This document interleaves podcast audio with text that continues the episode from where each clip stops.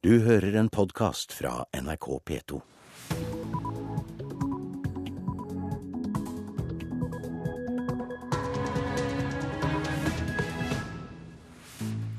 Klokka den er 6.30 onsdag 6. mars. Du lytter til Nyhetsmorgen med disse hovedsakene. Nyvalg i Venezuela i løpet av en måned. Sju dagers landesorg etter president Hugo Chávez død. Nordmenn kommer ikke til å bli en minoritet i eget land, fastslår forskere.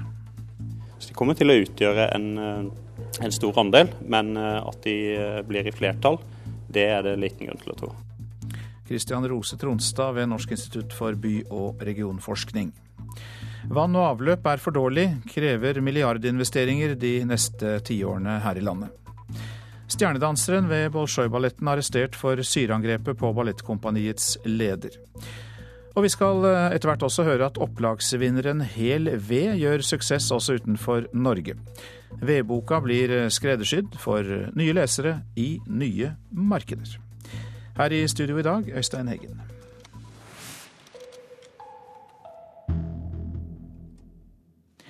Venezuelas president Hugo Chávez er død. Det er offisielt kunngjort av visepresidenten i landet, Nicolas Maduro. Chávez ble 58 år gammel. Like før klokken 11 i går kveld kom Venezuelas visepresident Nicolas Maduro med budskapet. Etter fire kreftoperasjoner måtte president Hugo Chávez gi tapt for kreften. a las 4 y 25 de la tarde de hoy 5 de marzo ha fallecido el comandante presidente Hugo Chávez Frías. Chávez satt i presidentstolen i Venezuela siden 1998. I løpet av sin karriere kom den latinamerikanske antiimperialisten med en rekke kontroversielle uttalelser, særlig mot sin erklærte hovedfiende nummer én, USA. Som statsleder var han elsket av sine tilhengere og hatet av sine motstandere. Blant de aller fattigste var han imidlertid særlig populær. I Caracas var flere samlet for å sørge i natt.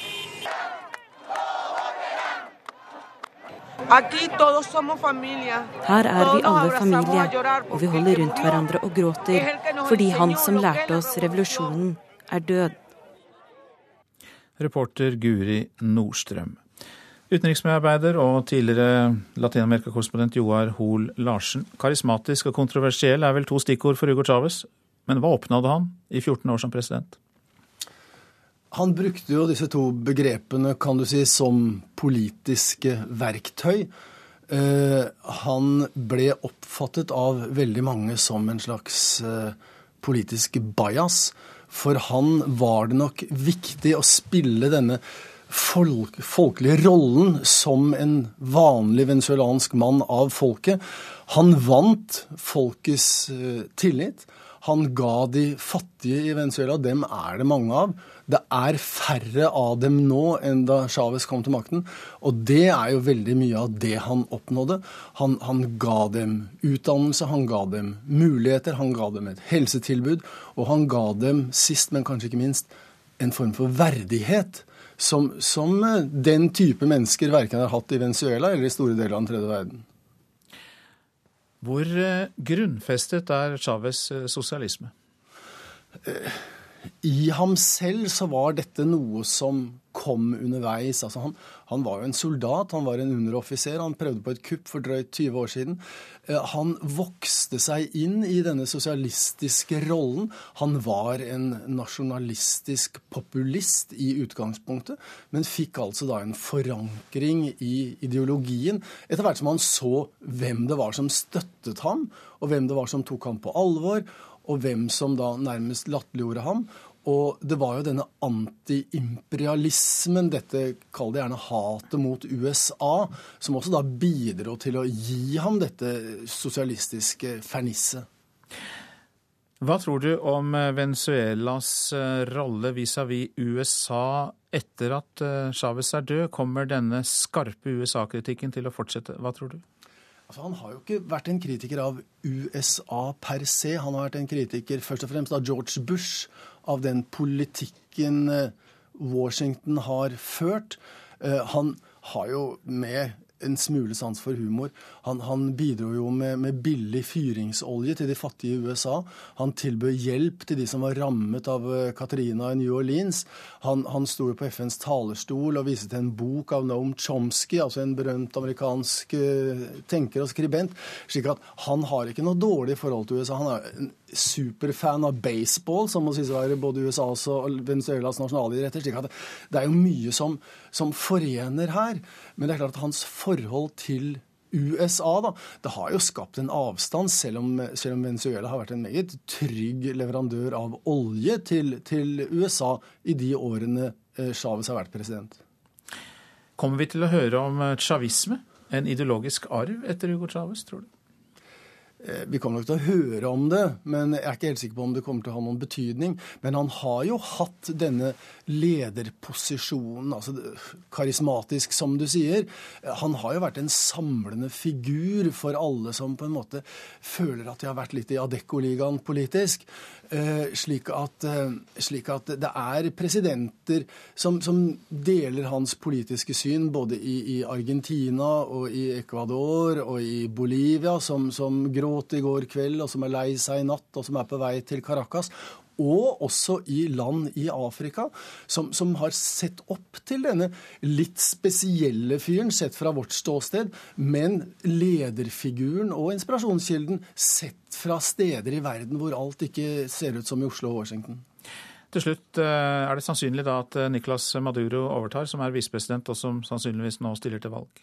Ja, Det blir jo veldig spennende, da, fordi at eh, denne bolivarianske revolusjonen som Chávez har snakket om, den har vært eh, bredt forankret i folket, men med et relativt dårlig ankerfeste. Den har vært ekstremt personlig basert. Om Maduro greier å, å bevare det til over valget, det, det, blir interessant å se. Men det er mange i Venezuela som også er modne for, for et skifte. Hjertelig takk for at du kom i studio, utenriksmedarbeider eh, Joar eh, Hoel eh, Larsen. Alle de tre som er mistenkt for å ha stått bak syreangrepet mot lederen for Bolsjoj-balletten i Russland, har tilstått. Det opplyser russisk politi, som også sier det var stjernedanseren Pavel Dimitrjenko som bestilte angrepet. De to andre pågrepne er mannen som utførte angrepet, og en sjåfør. Ballettkompaniets leder Sergej Filin ble angrepet med syre på gaten i januar og fikk alvorlige skader. Nordmenn kommer ikke til å bli en minoritet i eget land i løpet av de neste generasjonene. Påstanden om at eh, etniske nordmenn kan komme i mindretall her i landet har kommet fra flere politikere, men eh, forskerne er ikke enig. Tror du også at lyden av ei slipemaskin betyr at du skal møte en østeuropeer i arbeid? Takk skal du ha. Gulvleggerne Roar Madsen og Tor Bergsten forstår at vi trodde de var fra Polen. For det har jo endra seg. 15 år siden så var det vel nesten ikke ja, I hvert fall ikke østeuropeere. Det var jo noen svensker og dansker, men uh... Norge er i europatoppen nå når det gjelder å ta imot mange innvandrere. De fleste kommer pga. arbeid. Er vi i ferd med å bli minoritet i eget land? Roar tror det. ja, det gjør det nok sikkert, tror jeg. Redd for det. det blir hevda også fra politisk hold. FrPs Christian Tybring-Gjedde skrev i den mye omtalte kronikken om norsk kultur at innvandringa i løpet av få generasjoner vil gjøre nordmenn til minoritet i eget land. Stortingsrepresentant Per-Willy Amundsen har sagt at vi er i ferd med å bytte ut folket. Men det stemmer ikke. Nei, det tror jeg ikke det er grunn til å frykte. Sier forsker Christian Tronstad ved Norsk institutt for by- og regionforskning. NRK.no presenterer denne veka fem myter om norsk innvandring. I dag påstanden om at etniske nordmenn kommer til å bli en minoritet her på berget. At det blir mange som enten er innvandrere eller som har innvandrerforeldre, er det likevel ingen tvil om, sier Tronstad.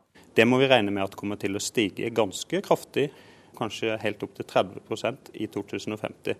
Så de kommer til å utgjøre en, eh, en stor andel, men eh, at de eh, blir i flertall, det er det liten grunn til å tro. Arbeidere som kommer i gode økonomiske tider, blir ikke nødvendigvis her. De som kommer som arbeidsinnvandrere, de langt, har langt større grad av utvandring etter ganske få år. Og nordmenn kommer til å være i flertall. Lenge. Verken i min levetid eller i mine barns levetid så eh, vil nordmenn bli minoritet i eget land. Nei, Så da skal vi lukke øynene for det og overlate utfordringen til våre barnebarn og oldebarn, da? Sier Frp-leder Siv Jensen. Altså, Prognosene viser jo en utvikling. Utviklingen går bare én vei med dagens innvandringspolitikk. Det store spørsmålet er hvor lang tid tar det. Strammer vi politikken inn nå, så vil også prognosene for fremtiden eh, se annerledes ut. Golvlegger Thor synes innvandringa er i høyeste laget om dagen. Nei, kanskje litt skremmende, faktisk. Vi er jo litt redd for jobba våre, og de jobber jo billigere enn oss. og ja. Men tror ikke nordmennene havner i mindretall i vårt eget land? Jeg tror vi overlever. Reportere her, det var eh, David Krekling, Katrine Hammerstad og eh, Håvard Grønli. Du kan også lese mer om dette på nrk.no, men vi stopper ikke her, for vi har fått besøk av deg, Robert Wright. God morgen. God morgen. Du er far til to skolebarn i Groruddalen i Oslo. I den egenskap er du her nå. Du er riktignok tidligere KrF-politiker, men nå skal vi snakke om det å bo i Groruddalen og det å ha skolebarn der. For det er jo et område som er dominert eh, i stor grad av innvandrere. Hvordan er det å oppleve Groruddalen? Nei, Groruddalen er jo et fantastisk flott sted å bo. og Det er jo derfor vi bor der. Vi trives og har det veldig flott. Det er jo marka rundt, det er eh, grønne lunger, det er veldig mye som er veldig bra i Groruddalen. Uh, men, men, i denne sammenheng så er det selvfølgelig også noen utfordringer. Det må vi jo ikke legge skjul på. og Det er jo det vi syns at politikerne også skal være med og være synlige og se på. Hvor mye samkvem er det mellom etniske nordmenn og innbyggere med innvandrerbakgrunn? Nei, det er altfor lite. Det er vel noe av det som er problemstillingen. For det, vi får vel egentlig ikke til den integreringen altså mellom familier og mellom grupper som vi ønsker. Fordi eh, vi på en måte lever parallellsamfunn. Så må vi si samtidig at det er jo veldig stor forskjell på å snakke om, om, om fremmedkulturelle. For de er jo så ulike som det går an å få dem. Noen blir jo norskkulturelle i løpet av få år. Mens andre grupper velger jo på en måte å fortsette å være den nasjonaliteten og det de kommer fra, eh, kulturelt sett også. Det blir jo en utfordring. Men hvordan utvikler befolkningssammensetningen seg eh, nå? Er den et faresignal? Nei, jeg er ikke noe redd for dette med at det skal bli noe flertall eller vi skal bli noe mindretall. Eh, det, det er jo riktig som tilfelle i den enkelte klasse. Eh, så dette er altså Faren min kommer fra Danmark, så jeg vet ikke om jeg eh, kan uttale meg i det hele tatt. liksom. Fordi vi blir jo preget av det miljøet vi er i. Eh, det som kan være en problemstilling, er hvis noen isolerer seg veldig. Og det kan jo være en, en viss tendens til det. Jeg merket meg Amal Aden, som var på Dagsrevyen på lørdag, som var veldig tydelig på at integrering det var noe som ikke fungerte i Oslo i det hele tatt. Mens det fungerer utover landet. Eh, jeg tror ikke det er så enkelt å si det, men, men det er en utfordring som vi skal være veldig obs på. Eh, noe av det som skjer, er jo at foreldre tar barna sine ut av skolen og, og flytter dem til andre steder, fordi det er problemstilling i læringsmiljøet når, når sånn som mine barn har vært eh, mindretallet i sin klasse i, i sin kulturbakgrunn. Så er ikke det bare negativt, men det er utfordringer i læringsmiljøet som vi må ta på alvor. Men hvordan eh, skal vi håndtere det? Hvordan kan vi gjøre det enklere? For eh, det er jo kanskje spesielt i klassene at eh, problemet kan oppstå. At de norske kommer i mindretall, og at man da heller ikke innvandrerne blir integrert så godt som de kunne blitt. Det er ganske mange innvandrere, forskjellige grupper og personer som tar kontakt med meg for at jeg skal være aktiv i denne debatten. Det har jeg nå valgt å ikke være, for nå er jeg kirkeverge ved siden av og møter også den samme si, positive utfordringen i, i, i den jobben. Men, eh, men eh, de er, grupper der er veldig opptatt av at de blir for få. Eh, og at de norskkulturelle som de ønsker å integrere seg med, blir borte. Det skjer store endringer i skoleløpet fra barna starter i første klasse på noen skoler, til de går ut av da, og går over på ungdomsskolen. Det er et tankekors som politikerne bør ta veldig alvorlig, for her er utviklingen negativ. Takk for den rapporten fra Groruddalen. Eh, Robert Wright. Nå skal jeg si litt om uh, avisene i dag. Helt siden 1990-tallet har kommunale helseledere i Sør-Trøndelag reist på ferieturer sponset av leverandører, skriver Adresseavisen. Listen inkluderer Kina, Cuba, USA, Italia, Sverige og Danmark. Nå er helselederne i Australia, og politikerne i Trondheims formannskap er sjokkert. Betaler ikke lånet så lenge de lever, skriver Dagens Næringsliv om pensjonistene Else Liv og Kjell Skaar. De får 9000 kroner i måneden ekstra mot pant i leiligheten. 5000 nordmenn har lån som ikke skal betales tilbake før de dør. Sterk vekst i friskoler i byene kan vi lese i Vårt Land. 17 nye private grunnskoler ble godkjent i fjor, og nå skal Norsk Luthersk Misjonssamband vinne norske byer med kristne skoler. En skummel utvikling, mener SV. Griper inn mot Munch-museets økonomirot, er oppslaget i Aftenposten. Kulturbyråden i Oslo kommune krever fullt innsyn i overskridelsene, og vil ha månedlige rapporter om sparetiltak. Boligkrisen rammer næringslivet i Tromsø, skriver Nordlys. Næringsforeningen der ber kommunen bruke ledige tomter til å sette opp brakkerigger for de husløse. Nordens radikale superstjerne skriver Klassekampen om. Johanne Schmidt-Nielsen, hun er leder av Enhetslisten, partiet Rødts motstykke i Danmark. Folketingets mest venstreorienterte parti er nå jevnstort med Sosialdemokratene på meningsmålinger. Handelsminister Trond Giske åpner for en frihandelsavtale med USA, skriver Nasjonen. Hvis USA lager en frihandelsavtale med EU, er det naturlig at de også tar med Norge, sier næringsministeren. Roar Flåten tar en skål på forsiden av Dagsavisen. En årelang strid mellom LO og NHO er kronet med seier for LO. I Høyesterett er det slått fast at rettigheter i norske tariffavtaler også skal gjelde for innleid arbeidskraft i verftsindustrien. Kjos til himmels, skriver Finansavisen. Norwegian er nå dobbelt så mye verdt som SAS på børsen. Sjokkfunn om lavkarbo, skriver Dagbladet. Norsk forskning viser at ekstremkuren kan gi 40% kolesteroløkning. Unngå mobilfellene, det er oppslaget i VG. Slik tjener mobilselskapene rått på dine nye vaner.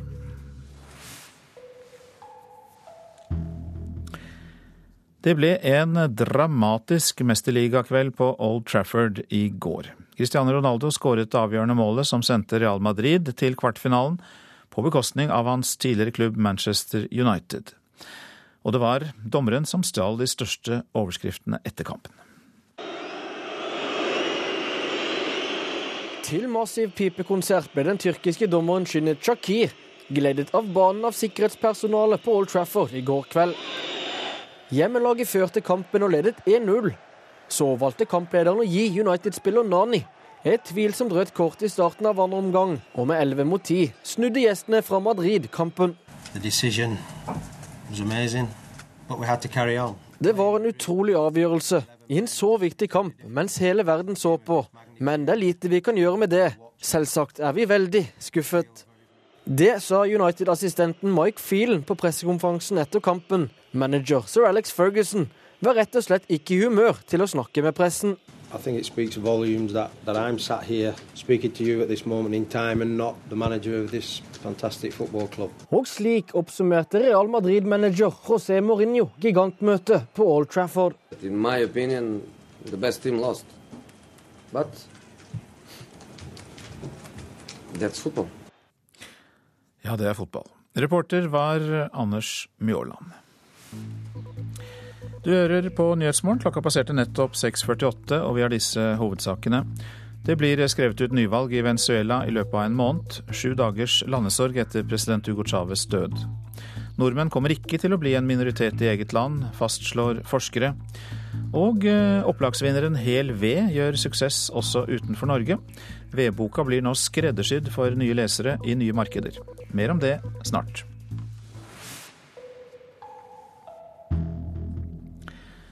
Staten må begynne å investere i vann og avløp. Det mener bransjeorganisasjonen Norsk Vann, og får støtte av kommunene. Norsk Vann mener det kommer til å koste 500 milliarder kroner over de neste 20 år dersom vi skal ha samme kvalitet og sikkerhet på vann og avløp som vi har i dag.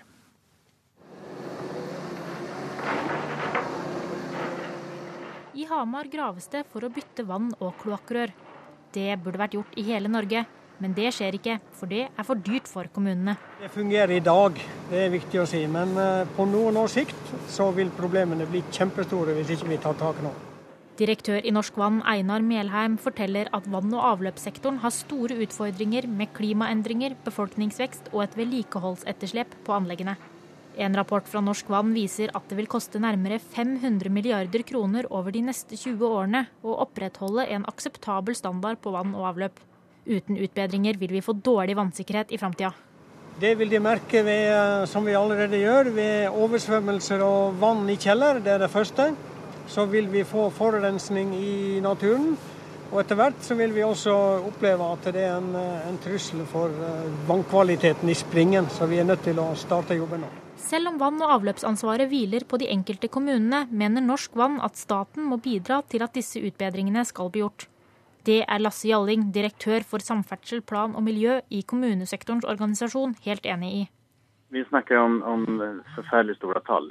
Og eh, jeg tror at det er helt urealistisk å tenke seg at, at vi skal kunne få inn 500 eh, milliarder kroner eh, over renovasjonsavgiften eller vann- og avløpsavgiften.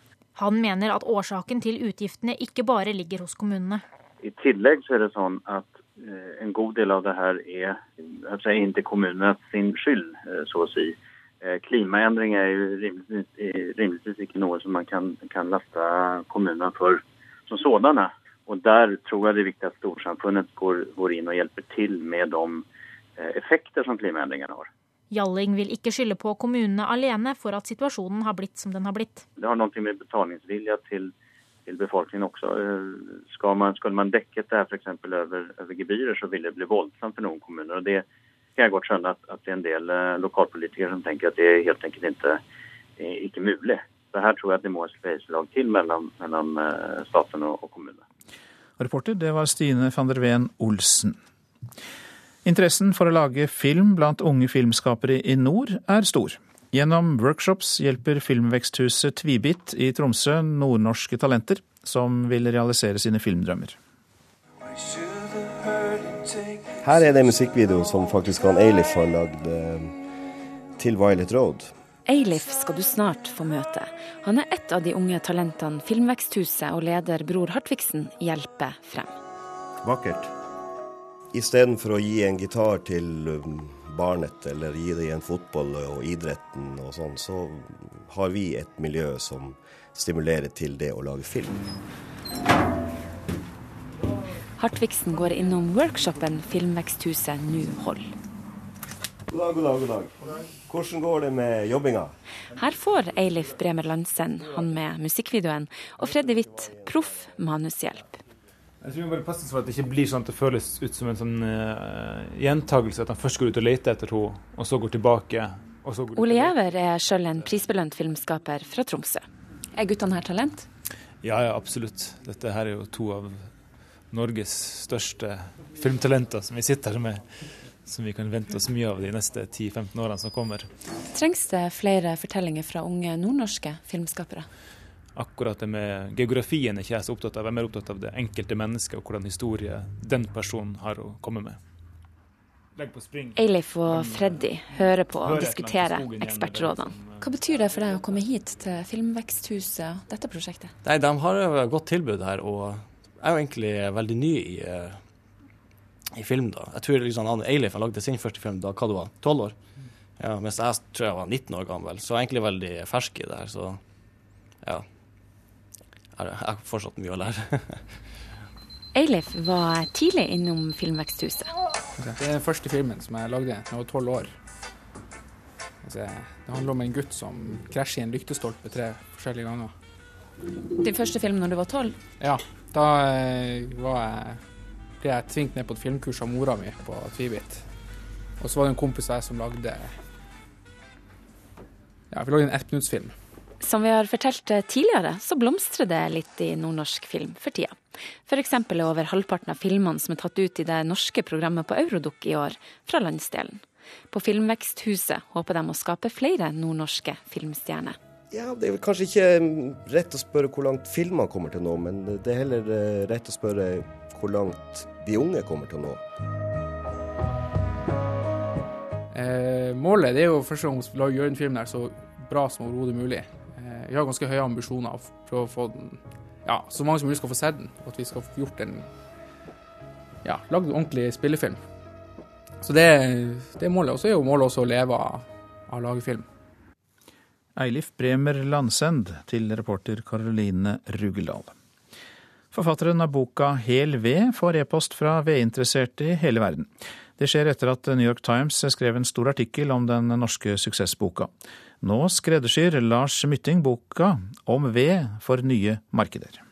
It's a good lesson in zen to take the time to manage resources with gratitude and reverence. Han svarer på e-poster fra vedinteresserte folk over hele verden, forfatter Lars Mytting. Nå kløyver han for det meste med kile og slegge, skriver han. Bob White, Abicuyo, New Mexico. Australia kommer det en del, da. New Zealand. han vil absolutt lese, da, så han eh, han, han, han får opp på engelsk, da. Etter at New York Times hadde et stort oppslag om den norske vedboksuksessen, har pågangen vært ekstra stor, sier han. Så det var nesten 300, 350 seriøse innlegg under, under artikkelen, som kom bare på et, et, på et døgn. da. Så ble jeg oppringt av um, australsk radio. Så var det over to intervju på amerikansk radio. Til nå har boka Hel ved solgt 150 000 eksemplarer i Norge. I Sverige har det gått unna snart 60 000 bøker på ti uker, og i Danmark 5000. Nå står flere land for tur. Først Finland, deretter USA og Canada. Så har du f.eks. New Zealand, som fyrer stygner med ved. Lars Mytting skreddersyr bøkene ut fra hvilket land de blir gitt ut i. Ja, alle blir helt forskjellige, avhengig av åssen forståelse de har. I den finske utgaven har Mytting egne kapitler om finske vedtradisjoner. Badstueovn f.eks. Og det med øksehugging og til trening. Joa Mieto er intervjua i den eh, finske utgava av vedboka. Det er om, eh, om sammenhengen mellom manuelt skogsarbeid, kløving med øks og, og, og skitrening. Hjemme i kjelleren i Elverum har forfatteren fra Fåvang akkurat sendt fra seg den engelskspråklige versjonen til forlaget. Noe som mange er opptatt av i varmere strøk. Da. Skadedyr i veden. Mark og biller og forskjellig. I Frankrike, f.eks. Sør-Frankrike, så er det en uh, skorpionart da, som liker å gjemme seg inne i vedstabler. Ute på terrassen hos Lars Mytting står ved hogd i fullmåne til tørk. Den skal visstnok tørke fortere enn annen ved. Lars Mytting hadde aldri drømt om at ei bok om ved skulle bli så populær. Nei, nei, nei.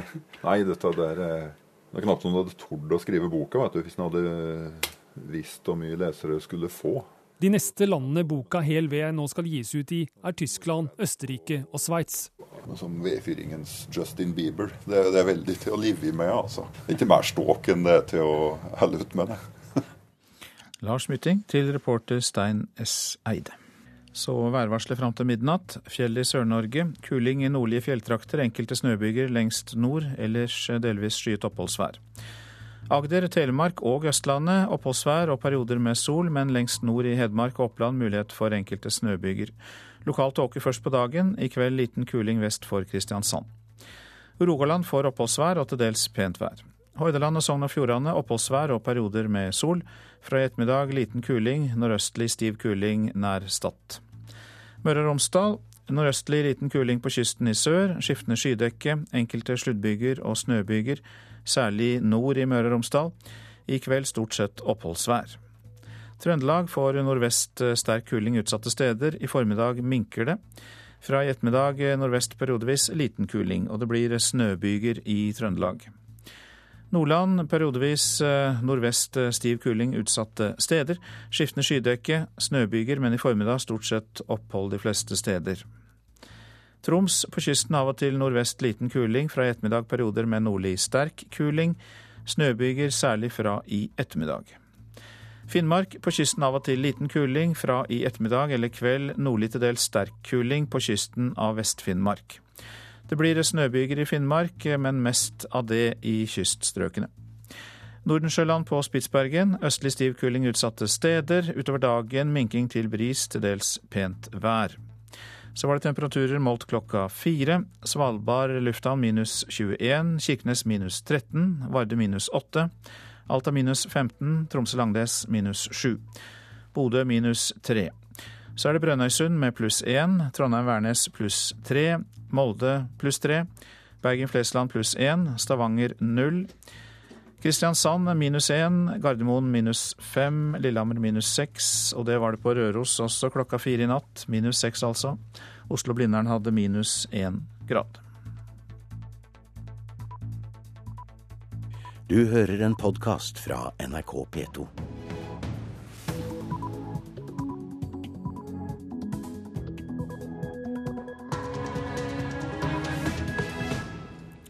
Klokka er sju, og du lytter til P2s Nyhetsmorgen. I studio i dag, Øystein Heggen.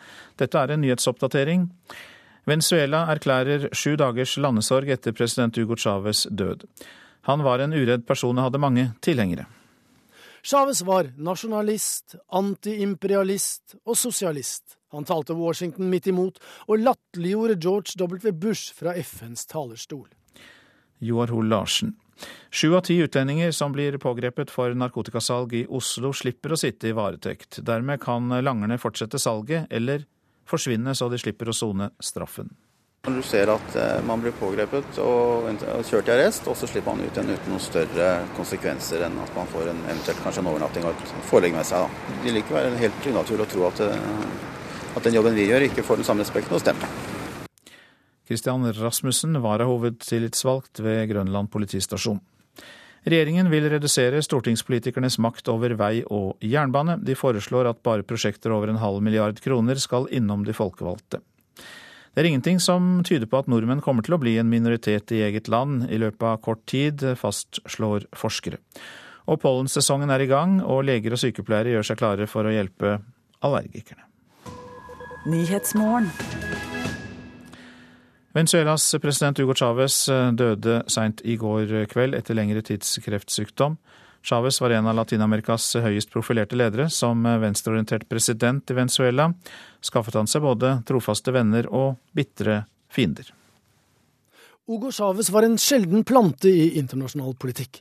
Uredd, provoserende og annerledes. Den tidligere fallskjermjegeren forsøkte å ta makten i Venezuela i et kupp i 1992, men ble så demokratisk valgt til samme embete i 1998. Chávez var nasjonalist, antiimperialist og sosialist. Han talte Washington midt imot, og latterliggjorde George W. Bush fra FNs talerstol. USAs fiender var hans venner, og han hadde et spesielt nært forhold til Cubas Fidel Castro, og han var kjent for å holde enetaler nesten like lange som Castros. Chávez var en kompromissløs forkjemper for de fattige i Venezuela. De så på ham som en frelser, og deres situasjon ble da også kraftig forbedret de 13 årene han var president. Det skjedde ofte på de rike og de velståendes bekostning. De fikk sine privilegier redusert, og la derfor president Chávez for hat. De beskyldte ham for brudd på menneskerettighetene og begrensninger i ytringsfriheten, og forsøkte å få ham avsatt i en folkeavstemning. Men Chávez overlevde og ble senere gjenvalgt. Han kjempet imot også da kreftsykdommen rammet, men det var en motstander Hugo Chávez måtte gi tapt for. Ja, Det sa utenriksreporter og tidligere Latin-Amerika-korrespondent Joar Hoel Larsen. Vegard By, du er forsker ved NUPI, Norsk utenrikspolitisk institutt. Og ja, karismatisk og kontroversiell. Hva var det som gjorde Hugo Chávez til nettopp det? Hele hans bakgrunn, hele hans historie, oppvekst. Um, han var jo en militær. Men han var en militær som tilhørte den, um, en venstrepopulistisk tradisjon i Latin-Amerika. Og helt fra han var kadett, så begynte han å vandre rundt i slumbyene i Caracas og bli slått av de enorme eh, sosiale ulikhetene. Caracas var et av de mest klassedelte samfunnene i Latin-Amerika pga. en oljeinntekt som kom bare en liten elite til gode. Og Det var bakgrunnen for hele hans politiske engasjement, som begynte altså gjennom et kupp men et kupp som var, hadde betydelig folkelig oppslutning fordi det var et land i oppløsning eh, på det tidspunktet, og som førte ham fram til valgseieren i 1998. Hvor eh, grunnfestet er Chávez sosialisme i eh, Venezuela? Den er ikke veldig godt institusjonalisert. Han var en, en, president som drev dette som et veldig mye personlig prosjekt fra presidentpalasset. Eh, til stor forskjell f.eks. fra Lula i, i, Brasil, som klarte å bygge institusjoner rundt dette. Og Det er det store spørsmålet nå for etterkommerne og for, for Maduro. Vil han klare å videreføre dette uten å ha de institusjonene som kreves, og med betydelige eh, økonomiske problemer som vil ha imot seg i, i åra framover? Hvilke muligheter har opposisjonsleder Enrique Capriles og høyresiden for så vidt til å erobre makten? Eh, ved valget i oktober så var det kun Chávez som ville ha slått Capriles. Meningsmålingene viste at andre kandidater ville tapt, inkludert Maduro. Men nå er det jo en helt annen situasjon. Maduro er på en måte Chávez ut, uh, utvalgte mann. Han flyter på en stemningsbølge. Det vil være en stor stemningsbølge i Venezuela i ukene framover. Så det er lite som tyder på at han taper valget nå. Men problemet kommer nok når han skal gjennomføre uh, sin, sin presidentperiode. Og så har vi dette med utenrikspolitikken, Vegard By. For der sto han jo fram som en kritiker av USAs politikk og en samlende kraft for nettopp de land som er USA-kritiske. Mm. Og Maduro var jo utenriksminister i fleste av disse årene. For Chávez så var verden svart-hvitt. Han hadde stor sympati fra store deler av Latin-Amerika. Og han kjørte nesten på autopilot, slik at USAs fiender ble hans venner. Nesten helt konsekvent. Når han trykket Gaddafi eller Mugabe til sitt bryst, så var det, eller, eller Ahmadinejad f.eks., så var det veldig mye fordi dette var USAs fiender. Og for det ble han også en helt i store deler av den tredje verden, og i den delen av tredje verden som så på USA som sin fiende. Han kunne jo av og til framstå som en klovn, men var dette bare et skalkeskjul for en mer gjennomtenkt politikk? Det var en kombinasjon. Altså, Chávez var en klovn og likte å være en klovn.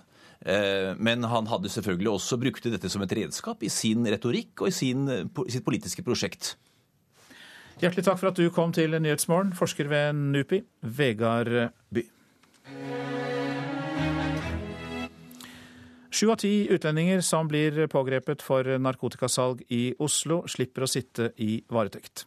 Dermed kan langerne fortsette salget eller forsvinne, så de slipper å sone sin straff. For oss skulle det gjerne vært annerledes. At det vi gjør, det får et litt mer varig, litt mer synlig effekt. Han mener det er lite avskrekkende at narkotikaselgere er tilbake på gata like etter at de har blitt tatt. Christian Rasmussen er varahovedtillitsvalgt ved Grønland politistasjon og jobber ute i Oslo-gatene hver dag. Han forteller at de stadig vekk møter igjen langere de nylig har pågrepet. Det skjer daglig. Jeg snakket akkurat med de som jobber inne på åpne rusmiljøer, altså politiposten på Oslo øst, og de kan bekrefte det jeg sier nå, at de opplever daglig at de samme menneskene blir pågrepet om igjen og om igjen. Om igjen. Rasmussen ser ikke vekk ifra at kriminelle får mindre respekt for jobben politiet gjør, når de ikke blir straffa hardere. Du ser at man blir pågrepet og kjørt i arrest, og så slipper man ut igjen uten noen større konsekvenser enn at man får en, eventuelt kanskje en overnatting og et forelegg med seg. Da. Det likevel være helt unaturlig å tro at, at den jobben vi gjør, ikke får den samme respekten hos dem. Så her har vi sjette avdeling der nede, syvende avdeling her, åttende avdeling men for de fleste som blir tatt for narkosalg, er ikke Oslo fengsel endestasjon. Av de 400 utenlandske langerne politiet pågrep i fjor, gikk nemlig de aller fleste fri. Godt over halvparten hadde enten fått avslag på asyl, eller var her uten tillatelse. Det som skjer, er jo at de fortsetter å selge. Og at vi blir stående litt sånn tannløse. Fordi det er ikke noe reell trussel her. Altså, De kan vedta en bot de aldri skal betale. De blir løslatt og de går ut. Sier politiinspektør Bjørn Vanvik i Oslo politidistrikt. Syv av ti slapp unna varetekt i fjor, bl.a. fordi politiet ikke har ressurser til å varetektsfengsle alle. Det blir såpass arbeidskrevende at det vil gå utover mye av de andre oppgavene vi også skal gjøre. Men en viktig grunn er også at de har lært seg litt når det er fengselsstraff og ikke. Mens vi for noen år siden hadde at de gjerne hadde 15-20 gram på seg, så har de på en måte gått ned til å ha noen få gram. Nå vil politiet at det skal bli lettere å fengsle narkoselgere, for de hører hjemme bak lås og slå. Reportere her, det var Eirin Årdal og Kristine Svendsen. Og Justisdepartementet hadde ikke mulighet til å kommentere denne saken i dag. Men det har du, kan jeg tenke meg, André Oktay Dahl, stortingsrepresentant for Høyre. Hva mener du om det du nettopp hørte? Nei, altså det, det, undergraver jo folks tillit til at politi og kriminalomsorg i hele tatt håndterer denne gruppen mennesker. Eh, og det vil jo også tiltrekke seg langt flere enn det allerede er gjort, når man ser at dette er reaksjonen. Så her handler det om at man gjennom mange år har forsømt seg. Både når det gjelder å ha et politi hvor vi har mange nok folk i politiet til å håndheve ting med ressurssituasjonen der. Og så har vi en krise i kriminalomsorgen som gjør at de aller, aller fleste norske fengsler også er stappfulle. Som gjør at det er helt nødvendig å la noen gå, eller ikke slippe de inn. Det vi gjør burde hatt mer varig effekt, hørte vi Kristian Rasmussen i Oslo-politiet si her. Du nevner dette med mer ressurser. Det hører jeg når du snakker om at det må være flere fengselsplasser. Men hva ellers kan gjøres? Nei, altså Det som er utfordringen, er at det ligger ikke inne i en plan om et eneste nytt fengsel som er forpliktende. Eh, vi kommer til å trenge minst ett nytt storfengsel på veldig kort tid for å kunne ta av noe for dette. Og Da mener Høyre at vi er nødt til å finne nye måter å begynne å bygge ut fengselet på også. Ikke bare til den gammeldagse metoden, men være åpen for å bruke offentlig-privat samarbeid, som er en litt annen finansieringsmodell som kan få ting raskere gjort. Såkalt OPS, som vi har lenge snakket om på vei og også nå helse. Så vi er nødt til å finne nye måter å bygge ut på. Og ikke minst så er vi nødt til å begynne å planlegge og se hele straffesakskjeden i ett. For i dag så si at vi ønsker oss 100 politifolk. Så har man ikke analyseverktøy som sier hva det faktisk betyr for antallet soningsdøgn og domstolene. Så få en eh, modell hvor man også bruker planleggingsverktøy for å få til en helhetlig planlegging for hele straffesakskjeden som man ikke har i dag, er helt nødvendig. Ellers så fortsetter vi i denne runddansen annethvert år, hvor da politiet vinner det ene året, og så taper kriminalomsorgen, og så har vi det motsatte andre året, kanskje. Så det er veldig viktig å få på plass. Men, men du tilbake på, gata, på gata igjen. fordi det kan jo også tenkes at vi har et eh, så humant eh, lovverk, som for så vidt er positivt, at blir man tatt med en liten dose, så kan man ikke gjøre noe annet enn å bure folk inne en natt, og så er det ut igjen. Nei, og det er jo utfordringen. Da vi vedtok eh, straffelovgivningen vår, så må jeg dessverre si at det vel ikke var analysert godt nok hvilken effekt dette ville ha for de som er omreisende kriminelle. Så vårt lave straffenivå det bidrar jo til også at vi heller ikke får til såkalt soningsoverføring, som gjør det mulig å sende noen tilbake til hjemlandene sine. Så selv om det for eh, holdt på å si, etnisk norske nordmenn kan ha en eh, fornuftig tanke at man ikke skal ha et straffenivå som ikke passer sammenlignet med annen type kriminalitet, så er det et stort problem. Fordi vi risikerer at vi får flere utenlandske kriminelle som bevisst søker seg til Norge fordi det her er så lave straffe, straffeutmåling at det ikke får noen konsekvens. Så er du, ute etter, er du ute etter lovendring her, da? Jeg ønsker at vi får vurdert en lovendring. og I tillegg så er vi nødt til å satse enda mer på egne fengsler for utenlandske kriminelle med lavere krav til hva de faktisk skal møte. For uh, noen syns det høres veldig grusomt ut, men det er faktisk det vi er nødt til å gjøre. Sånn at ikke det ikke virker som et ferieopphold heller, for de som uh, man faktisk får inn bak muren også.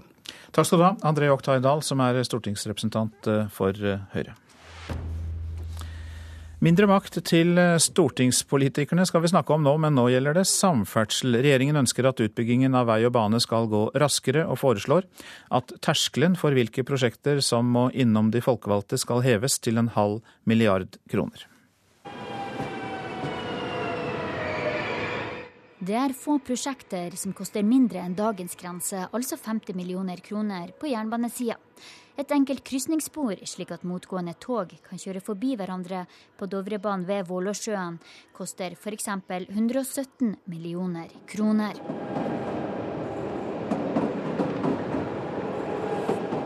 Det foregår veldig mye på samferdselsområdet nå. Det er veldig mange prosjekt. Og vi ser behov for at Stortinget skal styre mer i stort og mindre i smått. Derfor ønsker vi å heve terskelen for hvilke prosjekt innenfor vei og bane som oversendes til Stortinget sier samferdselsminister Marit Arnstad. I dag preger forsinkelser bygging av nye veier og jernbanespor over hele landet.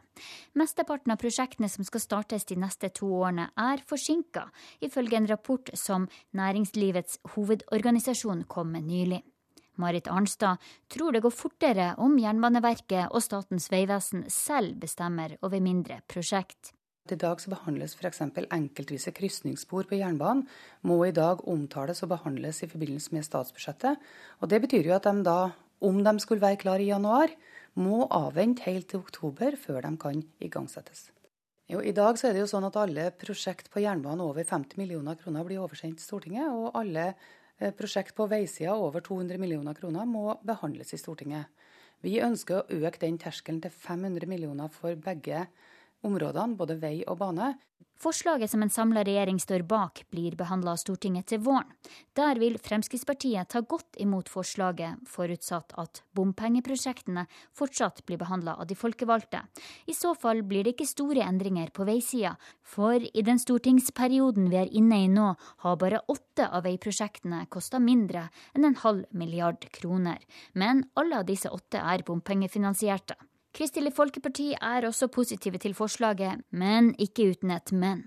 Leder Knut Arild Hareide mener det er regjeringa selv som somler mest. Men jeg tror eh, regjeringa lurer seg sjøl hvis de tror at dette alene vil føre til kortere behandlingstid. For når regjeringa bruker altså da nesten ti år på å planlegge nye veier i landet, så er det altfor lang tid. Og da er det ikke de siste to måneders behandling i Stortinget som er problemet.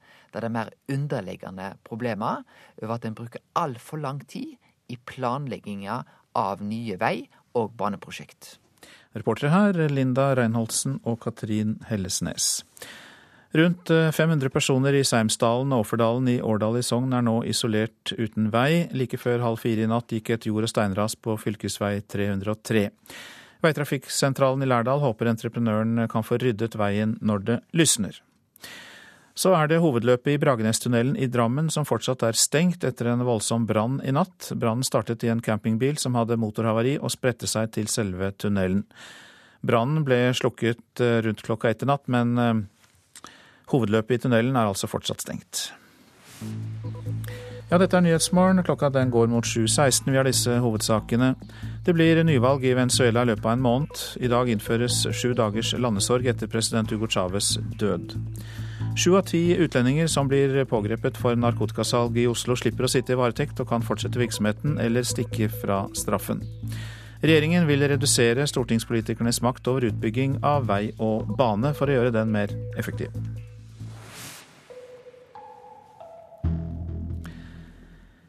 I Kenya er det dagens eh, visestatsminister Uru Kenyatta som ligger an til å vinne presidentvalget. Opptellingen så langt gir ham vel omtrent 53% av stemmene. Statsminister Raila Odinga er taperen. Men Den internasjonale straffedomstolen har tiltalt eh, Kenyatta for forbrytelser mot menneskeheten etter voldsbølgen i forbindelse med valget i 2007, da 1200 eh, mennesker mistet livet. Jo Stigen, du er professor ved Institutt for offentlig rett ved Universitetet i Oslo. Og ja, dersom Kenyatta blir ny president, hvordan kan han styre med en slik tiltale over seg? Det kan bli et problem for Kenya. fordi eh, selv om han blir president i Kenya, så vil han kunne arresteres i andre stater som har eh, et samarbeid med Den internasjonale straffedomstolen. Så det blir en vanskelig situasjon. De vil få en president som vil få en noe begrenset bevegelsesfrihet, rett og slett. Er det slik at han eh, egentlig må tenke seg om han skal dra til noe land overhodet?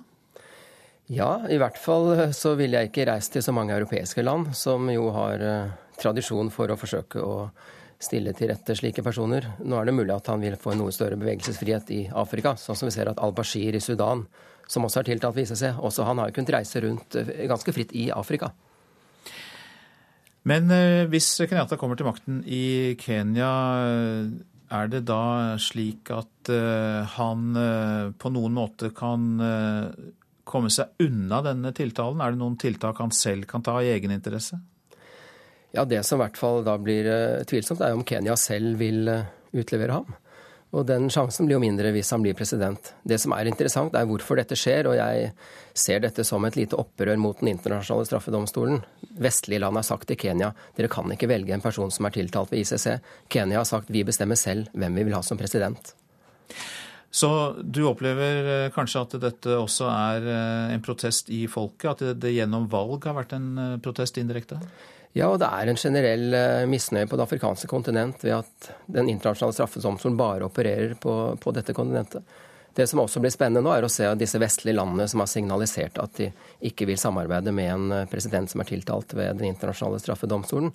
Om de følger dette opp, eller om de blir mer pragmatiske og samarbeider med Kenya, som er et interessant land å samarbeide med. Og hvis det siste skjer, hvis uh, viktige vestlige land ignorerer eh, tiltalen og samarbeider med Kenyatta, så vil det være et slag i trynet på Den internasjonale straffedomstolen. Men du nevnte jo nettopp at straffedomstolen eh, konsentrerer seg mye om eh, Afrika, og eh, har fått kritikk, kritikk for det fra afrikanske land. Er det da også en mangel ved straffedomstolens håndtering av konflikter, i og med at den er så ensidig fokusert på Afrika? Ja, altså Man kunne jo til å begynne med si at de kanskje aller mest groteske situasjonene i dag er på det afrikanske kontinent. Men hvis nå ICC fortsetter bare å operere på dette kontinentet og ikke løfter blikket til andre kontinenter, så får du et troverdighetsproblem globalt på sikt. Mange takk for den orienteringen, Jo Stigen, professor ved Institutt for offentlig rett ved Universitetet i eh, Oslo. I Kina åpnet Folkekongressen i går, en sesjon som skal ende med at verdens mest folkerike land får ny president, statsminister og regjering. Asia-korrespondent Anders Magnus. Så vidt vi husker, så intervjuet vi deg om Kinas nye toppledere som var klare allerede i november i fjor. Så hva er det som skjer nå? I fjor var det kongress i Kinas kommunistparti, og det er jo partiet som eh, er ledende i Kina. De bestemmer alt. Nå skal disse nye kommunistlederne utpekes til såkalt sivile ledere. altså Kommunistpartiets sjef skal bli landets president, nestsjefen skal bli landets statsminister osv. Dette er jo en litt upraktisk ordning, fordi eh, de som da er statsledere, sitter på en måte et halvt år uten egentlig å ha noe særlig makt og betydning, og kan ikke reise så mye til andre land, og heller ikke um, ta noe initiativ overfor andre land. Men dette har da å gjøre med kommunistpartiets eh, helt spesielle rolle i Kina? Ja, det har det. Eh, og eh, det er jo kommunistpartiet som bestemmer alt. Så den sivile strukturen på en måte ligger som en slags parallell ved siden av kommunistpartiets egen struktur. Det er jo egne departementer for alt som skal styres over i Kina i selve kommunistpartiet. og F.eks. Utenriksdepartementet der er det kommunistpartiets utenriksdepartement som er viktigst, mens det sivile utenriksdepartementet, som eh, f.eks. Eh, andre statsledere forholder seg til, det har ikke så stor makt. Avtroppende statsminister Wen Xiaobao holdt sin avskjedstale i går. Han listet vel opp alt han ikke hadde klart å få til i løpet av ti år. Så hva er de største problemene landet står overfor? De innrømmer jo at de har store problemer. og eh, Det er jo sånn, sånn, som, man, eh, sånn, som, alle folk ser veldig tydelig her. Det er jo det enorme gapet mellom eh, fattige og rike. Det er jo kanskje det aller største i hele verden. Miljøet er jo helt forferdelig, og etter hvert så har jo landets innbyggere begynt å forstå at det som omgir dem ute i friluft, ikke er tåke, men derimot livsfarlig forurensning. Sånn som jeg nå sitter og ser på rett ut av vinduet her på kontoret i Beijing. Korrupsjonen er verre enn noen gang, og partiet selv sier at klarer de ikke å få eh, orden på dette her, så eh, kan eh, partiet bryte sammen og hele den kinesiske stat stå i fare. Fordi folk kan komme til å reagere på det? Ja, eh, og de gjør det jo også. De, foreløpig så reagerer de bare på eh, internett. Ikke, de kan ikke skrive avisen eller ytre seg på radio eller TV eh, eller sånne ting. Der jo, har jo staten full kontroll. Men på internett så forsøker vanlige mennesker å ytre seg, og der er de veldig eh, bitre og ganske satiriske også mot eh, denne talen til statsministeren. Fordi de sier at her har han sittet ved makten i ti år og hatt alle muligheter til å gjøre noe med disse problemene. Så hvorfor har han ikke gjort annet enn å berike seg selv og sin familie? Han har jo fått voldsom kritikk for de New York Times avslørte jo at eh, familien hans hadde jo samlet seg milliardformuer i den tiden han selv var statsminister. Takk skal du ha, Asia-korrespondent eh, Anders Magnus. Og Folkekongressen den fortsetter jo da i Beijing. Nå litt om avisen og det de skriver. Helt siden 1990-tallet har kommunale helseledere i Sør-Trøndelag reist på ferietur sponset av leverandører, skriver Adresseavisen. Listen inkluderer Kina, Cuba, USA, Italia, Sverige og Danmark. Nå er helselederne i Australia og politikerne i Trondheims formannskap er sjokkert. Betaler ikke for lånet så lenge de lever, skriver Dagens Næringsliv om pensjonistene Else Liv og Kjell Skaar. De får 9000 kroner i måneden ekstra mot pant i leiligheten. 5000 nordmenn har lån som ikke skal betales tilbake før de dør. Sterk vekst i friskoler i byene kan vi lese i Vårt Land. 17 nye private grunnskoler ble godkjent i fjor, og nå skal Norsk Luthersk Misjonssamband vinne norske byer med kristne skoler. Det er en skummel utvikling, sier SV til avisa. Griper inn mot Munch-museets økonomirot, er oppslaget i Aftenposten. Kulturbyråden i Oslo kommune krever fullt innsyn i overskridelser, og vil ha månedlige rapporter om sparetiltak. Boligkrisen rammer næringslivet i Tromsø, skriver Nordlys. Næringsforeningen ber kommunen bruke ledige tomter til å sette opp brakkerigg for de husløse.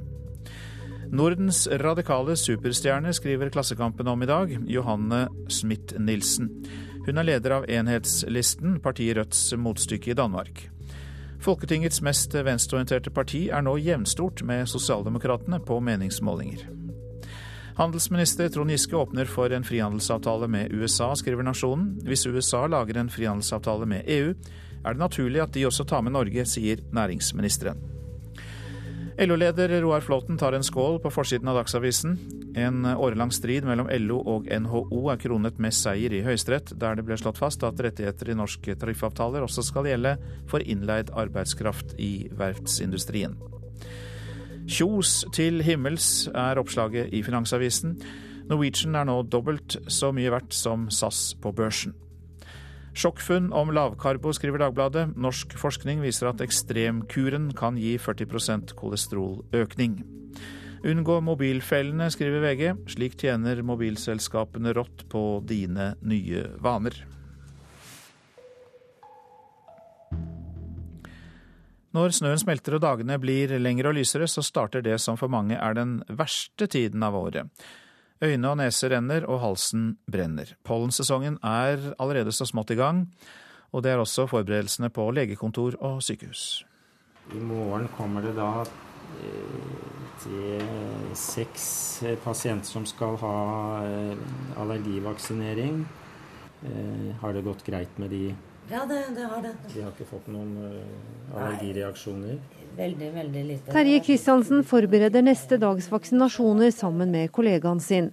Kristiansen er spesialist i lungemedisin og tar bl.a. imot pasienter som ønsker vaksinering mot pollenallergi. Ja, vi, vi får henvisninger både fra fastleger og enkelte ganger ringer pasienten og spør om Eh, de kan la seg vaksinere. Det er enkelte som har allergi for de tidlige pollenslagene, sånn som eh, or og hassel og selje. De kan merke plager allerede i februar-mars, eh, til og med før snøen har gått. Også Astma- og Allergiforbundet merker at våren er like rundt hjørnet. Ifølge forbundet har rundt én million nordmenn pollenallergi. Av disse er det ca. 100 000 som har en svært alvorlig grad av allergi.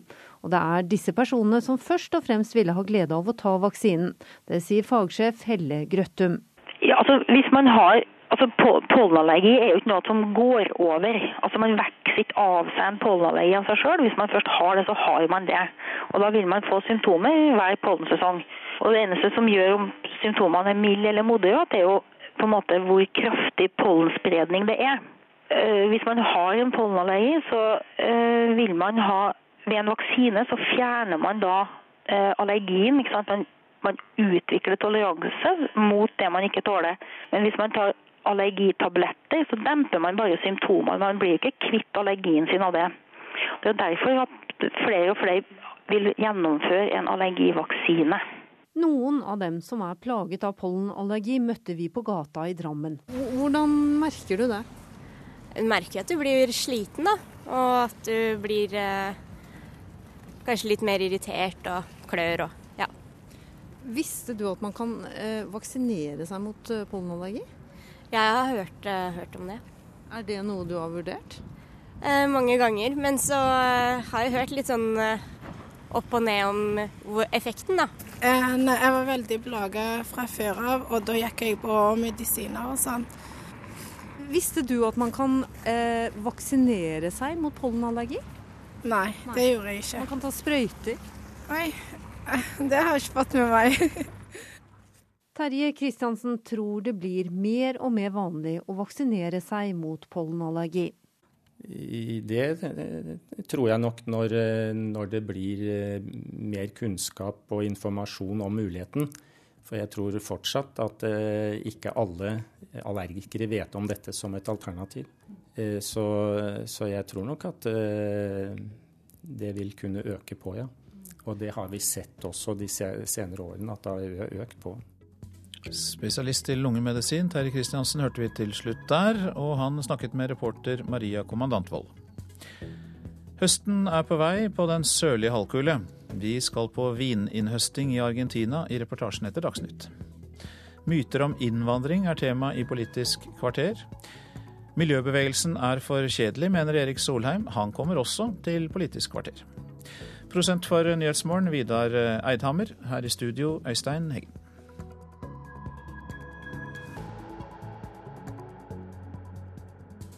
Du hører en podkast fra NRK P2.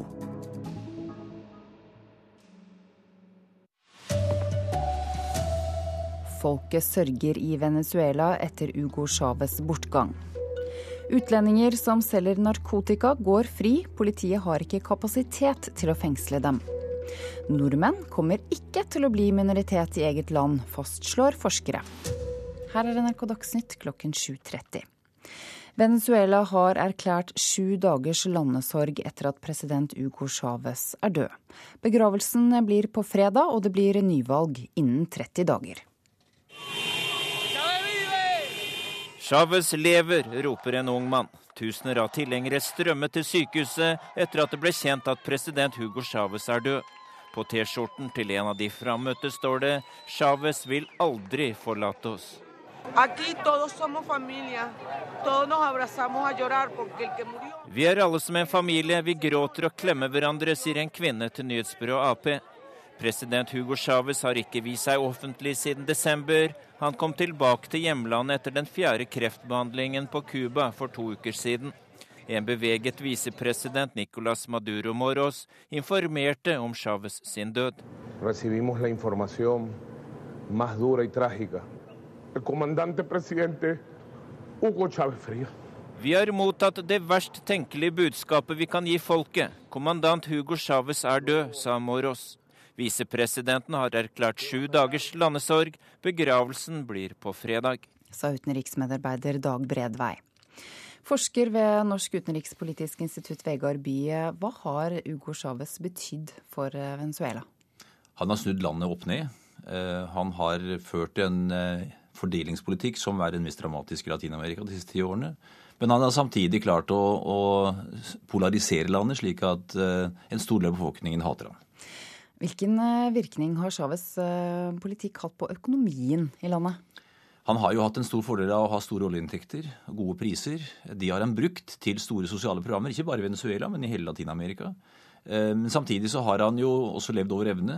Han har de siste årene solgt olje på forskudd til Kina, slik at eh, når eh, selv om oljeprisene fortsetter å være høye, så vil han ikke få den samme eh, altså Presidenten som kommer etter han vil ikke få de samme mulighetene som, som Chávez har hatt. Hvem eh, kommer til å ta over etter ham? Nicolas Maduro, som har vært utenriksminister i flere år, eh, en gammel fagforeningsmann, som eh, har vært satt, eh, blitt ut, utpekt av Chávez som sin etterfølger. Han vil stille opp i valget og sannsynligvis eh, vinne på en stemningsbølge i, i Venezuela nå. Som du har nevnt, så hadde Chávez også mange uvenner. Hvem var de egentlig?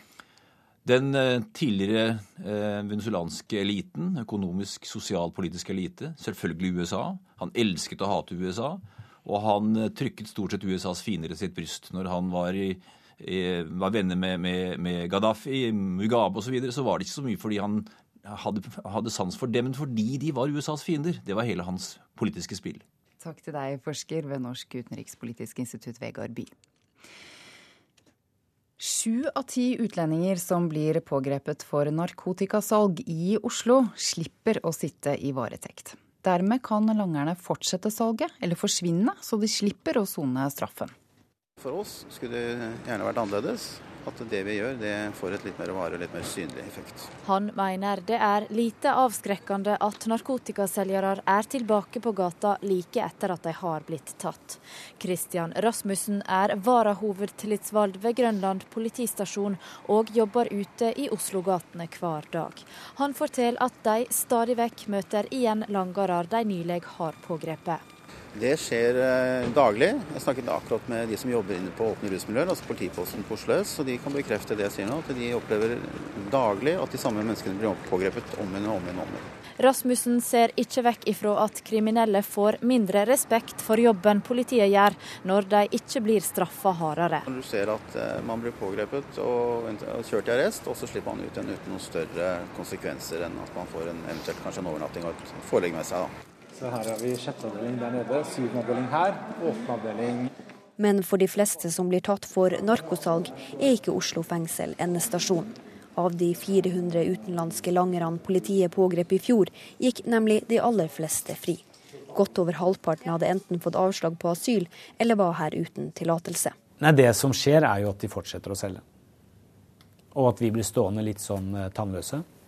Eh, fordi det er ikke noe reell trussel her. Altså, de kan vedta en bot de aldri skal betale. De blir løslatt, og de går ut. Sier politiinspektør Bjørn Vanvik i Oslo politidistrikt. Syv av ti slapp unna varetekt i fjor, bl.a. fordi politiet ikke har ressurser til å varetektsfengsle alle. Det blir såpass eh, arbeidskrevende at det vil gå utover mye av de andre oppgavene vi også skal gjøre. Men en viktig grunn er også at eh, de har på en måte lært seg litt når det er fengselsstraff og ikke. Nå vil politiet at det skal bli lettere å fengsle narkoselgere, for de hører hjemme bak lås og slå. Reportere Kristine Svendsen og Eirin Årdal. Og Justisdepartementet har sagt at de hadde, ikke hadde mulighet til å kommentere denne saken i dag. Nordmenn kommer ikke til å bli noen minoritet i sitt eget land i løpet av de neste generasjonene. Denne påstanden om at etniske nordmenn kan komme i mindretall her i landet, har kommet fra flere politikere fra Fremskrittspartiet. Tror du også at lyden av ei slipemaskin betyr at du skal møte en østeuropeer i arbeid? Takk skal du ha. Gulvleggerne Roar Madsen og Tor Bergsten forstår at vi trodde de var fra Polen. Det har jo endra seg. 15 år siden så var det vel nesten ikke, ja, i hvert fall ikke østeuropeere. Det var jo noen svensker og dansker, men eh, Norge er i europatoppen nå når det gjelder å ta imot mange innvandrere. Er vi i ferd med å bli minoritet i eget land? ja, det gjør det nok sikkert, tror jeg. Det blir hevda også fra politisk hold. FrPs Christian Tybring-Gjedde skrev i den mye omtalte kronikken om norsk kultur at innvandringa i løpet av få generasjoner vil gjøre nordmenn til minoritet i eget land. Men det stemmer ikke. Nei, det tror jeg ikke det er grunn til å frykte.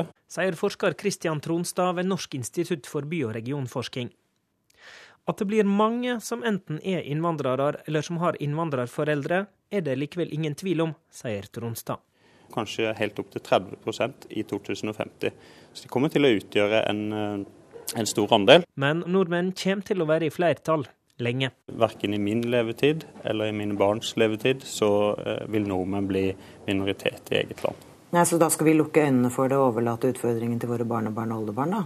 Sier Frp-leder Siv Jensen. Altså, prognosene viser jo en utvikling. Utviklingen går bare én vei med dagens innvandringspolitikk. Det store spørsmålet er hvor lang tid tar det? Reportere David Krekling, Katrine Hammerstad og Håvard Grønli. Og det blir debatt om dette i Politisk kvarter på NRK P2 klokken kvart på åtte. Regjeringen vil gi mindre makt til stortingspolitikerne, slik at det skal gå raskere å bygge ut vei og jernbane. Terskelen for hvilke prosjekter som må innom de folkevalgte skal heves til en halv milliard kroner. Og det er en tidobling fra dagens nivå når det gjelder jernbane. Det foregår veldig mye på samferdselsområdet nå, det er veldig mange prosjekt. Og vi ser behov for at Stortinget skal styre mer i stort og mindre i smått. Derfor ønsker vi å heve terskelen for hvilke prosjekt innenfor vei og bane som oversendes til Stortinget. Sier samferdselsminister Marit Arnstad. I dag preger forsinkelser bygging av nye veier og jernbanespor over hele landet. Marit Arnstad tror det går fortere om Jernbaneverket og Statens vegvesen selv bestemmer over mindre prosjekt sa reporter Linda Reinholdsen. Det ble en dramatisk mesterligakveld på Old Trafford i går. Cristiano Ronaldo sendte Real Madrid til kvartfinalen på bekostning av sin tidligere klubb, Manchester United. Men det var dommeren som skapte de største overskriftene etter kampen. Til massiv pipekonsert ble den tyrkiske dommeren skyndet Shakir gledet av banen av sikkerhetspersonale på Old Trafford i går kveld. Hjemmelaget førte kampen og ledet 1-0. Så valgte kamplederen å gi United-spiller Nani et tvilsomt rødt kort i starten av andre omgang, og med 11 mot 10 snudde gjestene fra Madrid kampen. Det var en utrolig avgjørelse i en så viktig kamp mens hele verden så på, men det er lite vi kan gjøre med det. Selvsagt er vi veldig skuffet. Det sa United-assistenten Mike Phelan på pressekonferansen etter kampen. Manager sir Alex Ferguson var rett og slett ikke i humør til å snakke med pressen. Og slik oppsummerte Real Madrid-manager José Mourinho gigantmøtet på Old Trafford. In my opinion, the best team lost. But that's football. Reporter Anders Mjåland. Det er Elin Pettersen som er ansvarlig for Dagsnytt-sendingene denne morgenen. Teknisk ansvarlig er Hanne Lunås. I studio nå, Ida Creed.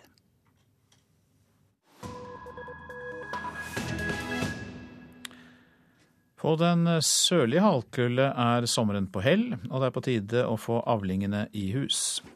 I det vestlige Argentina betyr det at eh, vindruer må høstes.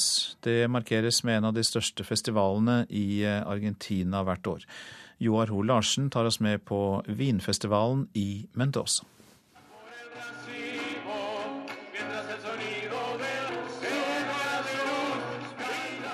Det er snart 500 år siden de første vinrankene ble plantet ved foten av Andesfjellenes østside. Og siden 1700-tallet har argentinerne hatt sin høsttakkefest i mars, og feiret at det som nå kalles Argentinas nasjonaldrikk, altså vinen, var i rute etter at druene var kommet i hus. For vin er viktig i Mendoza, sier vinbonde Daniel Pi. Mendoza es la principal región vitícola y enológica de, de la Argentina.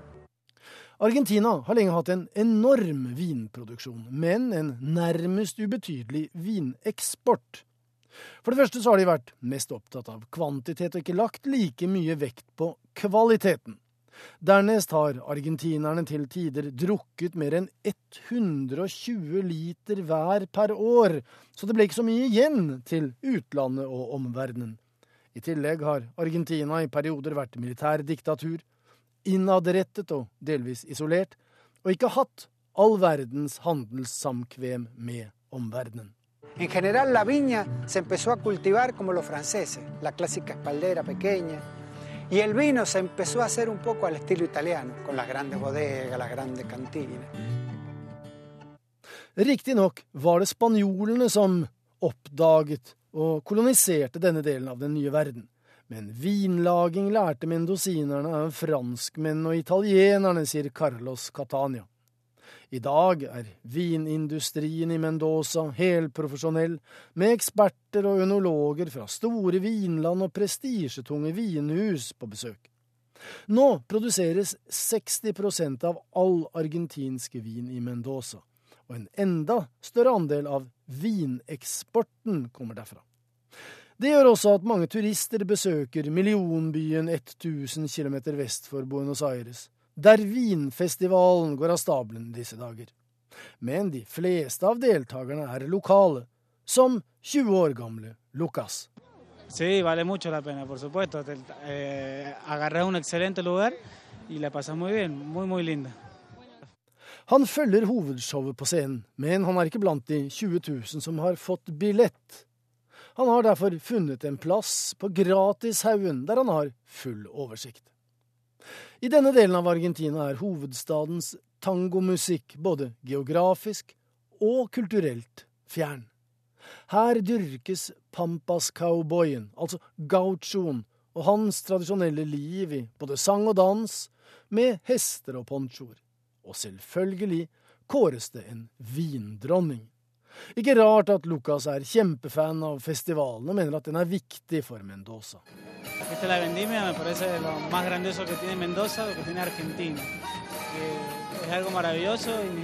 e. Men det gjelder å holde hodet kaldt. Det er tross alt en vinfestival, og da må det både smakes og drikkes, noe det er god anledning til. Det spesielle klimaet rundt steinbukkens vennekrets Varmt med mye sol og lite nedbør, men snøsmelting og kjølnende vinder fra Andesfjellene, koblet med gunstig jordsmonn, det gir vinrankene gode vekstvilkår, og festivaldeltakerne god vin. Dette er Nyhetsmorgen. Vi har disse hovedsakene. Folket sørger i Venezuela etter Hugo Chávez' bortgang. Utlendinger som selger narkotika går fri. Politiet har ikke kapasitet til å fengsle dem. Nordmenn kommer ikke til å bli en minoritet i eget land, fastslår eh, forskere. Og myter som står for fall, er stikkord også hos deg i Politisk kvarter, Sigrid Solund. Skjønt eh, Fremskrittspartiet frykter at det ikke er noen myte at innvandrere kan komme i flertall i Norge. Og Erik Solheim mener norsk miljøbevegelse er sint og smal, men møter en han mener kan endre på det.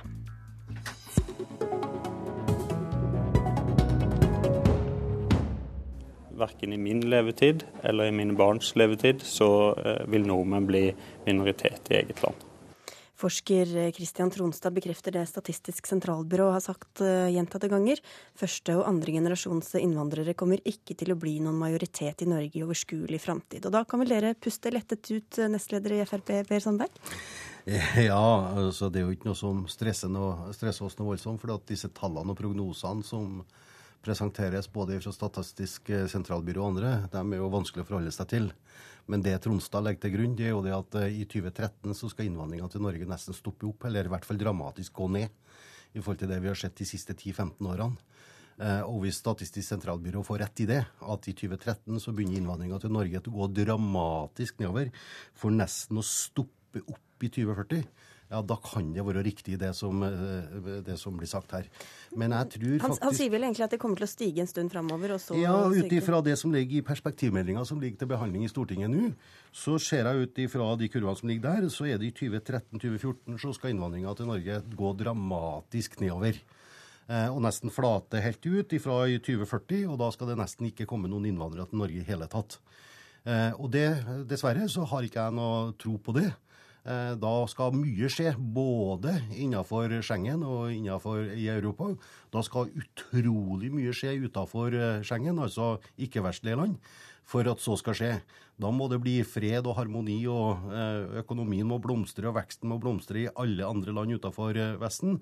Og så må den økonomiske uroen i Europa balanseres og ta seg opp. Jeg tror dessverre ikke noe på det.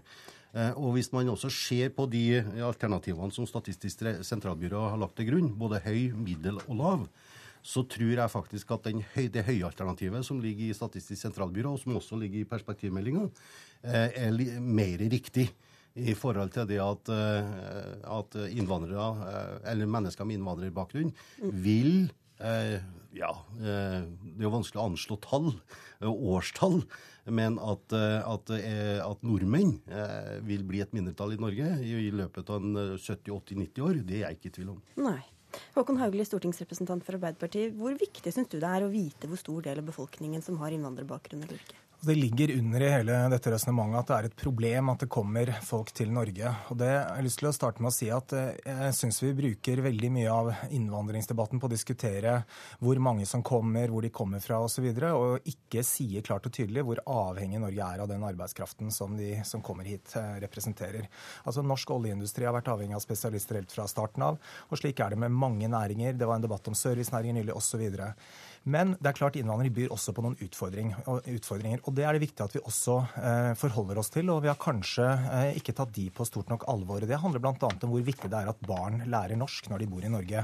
Og det store paradokset med Fremskrittspartiets innvandringspolitikk er jo at de vil jo kutte i alle disse ordningene som bidrar til at barn kommer i barnehage, og opprettholde kontantstøtten, som er medvirkende okay. til at barn ikke lærer norsk. Vi går ikke inn i hele den debatten. Nei, vi, kan, vi, kan, vi kan gjerne ta en, vi kan gjerne ta en integreringsdebatt. Ja, men det er ikke det vi skal snakke om men Per Sandberg, men, hvor, hvor lenge skal personer som har mor eller far eller besteforeldre eller oldeforeldre få høre at de ikke er ordentlig norske? Jeg vil likevel påpeke, når, jeg, når det blir lagt fram slike påstander, så må man se på hvorvidt at man har lykkes med integrering eller ikke. Det har man altså ikke. Nei. Nei. Okay, men så, så, så til mitt spørsmål. Det, det, er veldig vanskelig å definere. Men hvis man skal forholde seg til det som Statistisk sentralbyrå i hvert fall penser litt innpå, så er det sånn at du må ha en tilhørighet til Norge, enten gjennom besteforeldre eller lenger ute. Men dette her er jo helt umulig eh, å lage prognoser og definere på noen slags måte. For at eh, grensene er åpne. Det kan være eh, nordmenn som reiser ut og finner seg ektefelle, som får barn. Eh, og da er det helt umulig å definere når du vokser opp i Norge, hvorvidt at du er etnisk norsk nordmenn eller innvandrer eller eh, men, men poenget mitt er at man skal se på de tallene. og det er, altså Vi står overfor en befolkningseksplosjon i Norge. Det er ikke noe tvil om særlig de store byene. Eh, Oslo er veldig ute å kjøre. Så er det ingen tvil om at i hvert fall da, i løpet av 80 år, da, kanskje lett meg si 90 år, da, så vil det i hvert fall ha passert 10 millioner mennesker i, i dette landet. Og Hvis man legger til grunn da dagens etniske norske befolkning, med de, med de, med de eh, premissene som ligger i dag, så vil det være sånn at det er 10 millioner innbyggere i Norge, og så vil den etniske norske befolkningen være på 4,5 fortsatt. Ok, Men hvilken rolle spiller det, så lenge de betaler sin skatt og stiller på dugnad, liksom? Det er viktig. fordi at når jeg hører hva som blir sagt her nå, så er det flere og flere eksperter som altså går ut nå og sier, til og med på NRK, Økonomien er ikke avhengig av innvandring. Og nå alle må jo forstå det, at det lille landet vårt, med å ta imot 50 000-60 000 innvandrere hvert eneste år, uten å ha tilrettelagt for arbeid, skole osv., så, videre, så blir det ikke sånn som programlederen påpeker. Da vil man ikke få en situasjon der at man betaler skatt. Og Oslo er beviset på det. Okay, hvis, du ser, hvis du ser, på Oslo over 40 år, men, så går det feil vei. Ja, altså jeg, for det første så mener jeg det er helt uh, feil å framstille det som om det er uh, altså Oslo, Utviklingen i Oslo er katastrofalt dårlig. Altså Oslo-skolen Oslo er den beste i landet. Den er, Skolen, jeg tenker på økonomien. Ja, men, det er, men det er viktig. Ja, økonomien også. Men er, det er mytene her som uh, Frp ønsker ønsker å holde liv i. Og jeg, jeg, altså Hele dette resonnementet er basert på en slags frykt og uro. Nei, eh, jeg, hvem, er, altså, hvem er innvandrerne? Jeg tror vi, jeg syns vi har en språklig utfordring også. Vi snakker om uh, førstegenerasjons og annengenerasjons innvandrere. altså Annengenerasjons innvandrere har ikke vandret noe som helst sted. Jeg tror det er viktig at vi begynner å snakke om førstegenerasjons nordmenn. Folk som har en tilhørighet til det norske eh, samfunn.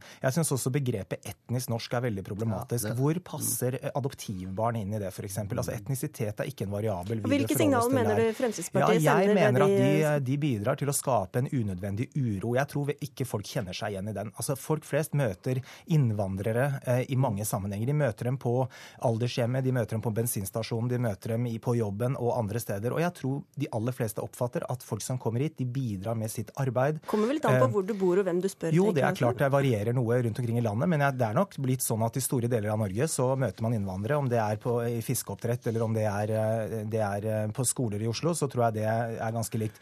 Men jeg tror dette ideen om en sånn tikkende bombe, det er den vi må vekk fra. Dette er en myte Frp ønsker å holde liv i, og den er veldig skummel. Og den bidrar til å stigmatisere folk som bidrar godt i det norske samfunnet, og som heller bør få en takk for at de kommer hit og bruker sin arbeidskraft og energi på å bygge det norske samfunnet. Vet du hva, den leksa som kom her nå, det er den som stigmatiserer. Fremskrittspartiet har ikke brukt noen av disse ordene som tikkende bomber eller fare på noen slags måte. Vi, Men hvorfor, vi, vi, hvorfor, hvorfor, bekymrer, hvorfor bekymrer det at det blir et flertall av eh, såkalt innvandrere i Norge? Hva er det som er bekymringen? Vi forholder oss til de tall og prognosene som ligger til grunn, og så sier vi ja, det kan være at innvandrere vil ha et flertall i Norge. Det er en realitet. Og så får vi diskutere utfordringene ut ifra det. Nei. Og når du påpeker som Oslo-representant at Oslo har orden i sin økonomi, at det har gått så glatt i Oslo, så syns jeg du skal gå inn på Statistisk sentralbyrå. Ja, okay, vi, vi går ikke inn på Oslo. Det er, det er et program for millioner av lyttere i hele landet. Ja, men det er ikke så veldig, fra topp til botten, men det er ikke så veldig lenge siden dere var ute og advart mot eh, muslimsk flertall. Altså, dette er jo bare en forlengelse av den debatten. Det... Kan, du, kan, du, kan, du, dokumentere det, at noen har sagt det? Ja, altså, dere har i hvert fall mange ganger påpekt at vi får en stor muslimsk befolkning i Norge. Stor muslimsk. Og hva er problemet? Kan du benekte det, eller? Hva er problemet? Nei, men nå må du høre her. Har Fremskrittspartiet sagt at vi vil få et muslimsk flertall, okay, eller ikke? Dere har Nei, mulig, det, er mulig dere Når du går tom for argumenter, så skal du spre løgner i tillegg. Vi, vi kan finne fram gamle, gamle sitater om det. Men det, det er bra du klargjør at den bekymringen ikke er til stede. Da ble det mye bråk her på slutten, men vi får takke av Per Sandberg og Håkon Haugli for at dere kom til Politisk kvarter.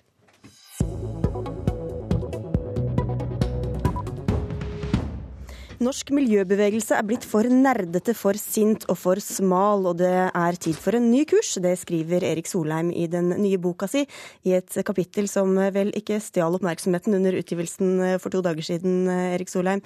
Hvordan mener du norsk miljøbevegelse har ødelagt for seg selv og for hele miljø- og klimakampen? La meg først si at Jeg skriver 100 sider eh, om miljø i denne boka, så det er flott at det nå endelig blir litt oppmerksomhet om det. Eh, norske miljøorganisasjoner har mye færre medlemmer enn de, i de landene som det er naturlig å sammenligne seg med. Det er kanskje en femtedel så mange medlemmer som i Sverige og Danmark. Da er det jo, og tilsvarende i Tyskland. Da er det grunn til å spørre om hva kan vi gjøre for å få mange flere medlemmer. Hva har eh, vært gjort gærent da, mener du? Jeg tror at vi har for liten grad tappet inn i det som er kjernen i menneskers miljøengasjement. Altså hvorfor ble jeg virkelig miljøengasjert da jeg var ungdom og har vært i 40 år siden? Kjernen i det er kjærligheten til naturen. Kjærligheten til norsk natur. De stedene jeg går tur, i Nordmarka eller på Sankthanshaugen eller fjellene i Gudbrandsdalen, som jeg eh, har vært i, i hele, hele, hele, mitt liv. Og kjærligheten til den fantastiske, skjøre tingen som planeten Tellus er. Med, ok, Det var løs, forslaget til løsning, men hva mener du at jeg har gjort galt? Snakket altfor lite om dette. Altfor mye om kan kalle det dingser og bomser. Eh, tekniske løsninger som er nødvendige, men som ikke, ikke, ikke virkelig berører folks hjerter. Og så er det én ting til, og det er at Norge har ikke noe hva han kaller det miljøpolitikkens LO, noe overordnet instans. Vi har seks, sju, åtte omtrent like store, litt forskjellige miljøorganisasjoner. Og de kjemper hver dag og time om å komme i, komme i media. Og da er tendensen at den som skriker høyest, den som er sintest hver dag, kommer i media. La oss si Ola Borten Moe kom med et utspill om olje da, som, som, ikke jeg vil være enig i. Så vil den miljøorganisasjonen som er aller sintest på Ola Borten Moe, den vil komme i media. Men over tid så skaper ikke det noe hyggelig inntrykk av en miljøbevegelse når de som er der, nesten hver gang er litt sinte. Men det er én du trekker fram som ditt store forbilde i miljøpolitikken? Jeg har trukket fram Nina Jensen, som sitter her, som et forbilde. For hun snakker om miljøpolitikk i en vanlig stemme, ikke i fistel, på en hyggelig måte, som jeg tror har appell til mennesker der ute. Og jeg vil ha mye mer av det. Fleder, vi kunne ikke, eh, Nina Jensen, vi kunne ikke annet enn å invitere deg. Hvor mye kjenner du deg igjen i det Solheim sier? Nei, For det første så syns jeg det er veldig hyggelig å bli trukket fram på, på, denne måten. Og WWF forsøker jo i stor grad å være både løsningsorientert, snakke på en enkel og forståelig måte og løfte engasjementet til naturen. Men jeg er jo helt enig med han i eh, eh karakteristikken og miljøbevegelsen som helhet. Vi har vært altfor sutrete. Vi har fokusert altfor mye på problemene. Det er de som hyler høyest, som, eh, som kommer i media. Og vi har vært altfor dårlige til å få fram alt det vi faktisk får til. Miljøbevegelsen har gjort fantastisk arbeid. Så en viss selvkritikk eh, på eh, egne vegne? Ja, i aller høyeste grad. Ja, men jeg får si at Dette er også selvkritikk på mine egne vegne. Jeg har vært en del av miljøbevegelsen i Norge i 40 år. Jeg er livsvarig medlem av Naturvernforbundet og i styret og medlem av nær sagt alle organisasjonene. Så dette er ikke å sitte og kritisere andre. Dette er bare at vi er nødt til å legge oss på en ny kurs, fordi miljøkampen er så utrolig viktig for Norge. Det er det store spørsmålet i vår tid. Da må vi nå vire ut. Men du savner altså mer eh, feiring av de seirene man, man har fått til, Erik Solheim. Men hvor mye jubel og skulderklapp du, har du forventet i regjering mens utslippene tross alt bare har gått eh, oppover? Det er utrolig viktig at miljøbevegelsen ikke angriper politikerne generelt, eh, men angriper de politikerne som er miljøfiendtlige, og, og, støtter og hjelper de politikerne som ønsker å få til noe med miljø. Så du har savnet mer som personlig støtte Nei, fra miljøbevegelsen? Ja, men dette er akkurat samme som i næringslivet. Hvis man sier at alt i næringslivet er dårlig, så blir det totalt meningsløst. Hvis man derimot angriper de bedriftene som gjør veldig dårlige ting, som ødelegger og skader miljøet, men på den annen side hyller de bedriftene som virkelig får til noe, Puma er en internasjonal organisasjon, Bodyshop en annen internasjonal bedrift. Begge har laget fantastiske miljøregnskaper for sin virksomhet. Og da må vi få de andre til å gjøre det samme, og ikke skjelle ut alt næringsliv på en gang. Høres ut som dere, Solheim har savnet litt mer eh, koseprat fra dere, Nina Jensen? Nei, jeg tror eh, mange i miljøbevegelsen har vært flinke til å påpeke det som har vært bra. Men det er jo helt riktig som du også sier. Altså, nå har man hatt en flertallsregjering eh, gjennom to perioder. Eh, og utslippene fortsetter å gå opp, og vi er langt ifra å nå de målsetningene som vi har, både på klima og naturmangfold. Så regjeringen hadde jo hatt store muligheter til å virkelig gjøre en forskjell. Og så er jo ikke det Erik Solheims feil at det ikke har skjedd.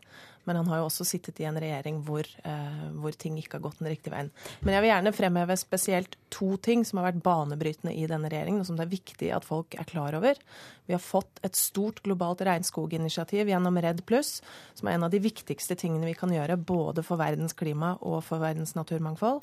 Og vi har fått et tilsvarende eh, initiativ på energi, som heter Energi Pluss, som skal bidra til eh, en kraftig økning og oppskalering av eh, fornybar energitilgang for verdens fattige. Litt, Dette er supert. Litt skryt der, altså. Men miljøbevegelsen bør reorientere seg og bringe miljøet inn i politikkens sentrum, skriver Solheim. Ser du på det som miljøbevegelsens oppgave? Og ikke overlate det til venstresida? Ja, det tror jeg da absolutt. Eh, vi har en stor kamp eh, å kjempe fremover. Og hvordan skal vi få til det? Vi må skape engasjement der ute. Vi må få folk til å forstå verdien av intakt og verdifull natur. Og få eh, skape det engasjementet og ønsket om å faktisk ville ta vare på den. Eh, Erik Solheim, du snakker om kjærligheten til naturen. og Én ting er jo hva det kan gjøre med folks eh, bevissthet og opptatt, hvor opptatt de er av liksom, det lokale miljøet. Men hvor uh, viktig er det for å skape et engasjement for klimautslipp og hva som skjer i Bangladesh? Jeg tror det er helt avgjørende, for hvis man føler den, den kjærlighet til naturen, den utrolige undringen over de fantastiske plantene og dyrene som lever på denne kloden, og menneskets plass i det hele, så vil man jo alltid trekke den konklusjonen at vi kan ikke være den generasjonen som ødelegger denne fantastiske, skjøre tingesten. Vi må være den generasjonen som viderefører den i samme eller bedre stand til neste generasjon som vi mottok den. Og Dette er kjernen i det miljøengasjementet som vi må få ut mye bredere. Da nikker dere og smiler så mye at vi må si takk for at dere kom, Erik Solheim og Nina Jensen. Politisk kvarter er slutt. Jeg heter Sigrid Solund. Du har hørt en podkast fra NRK P2.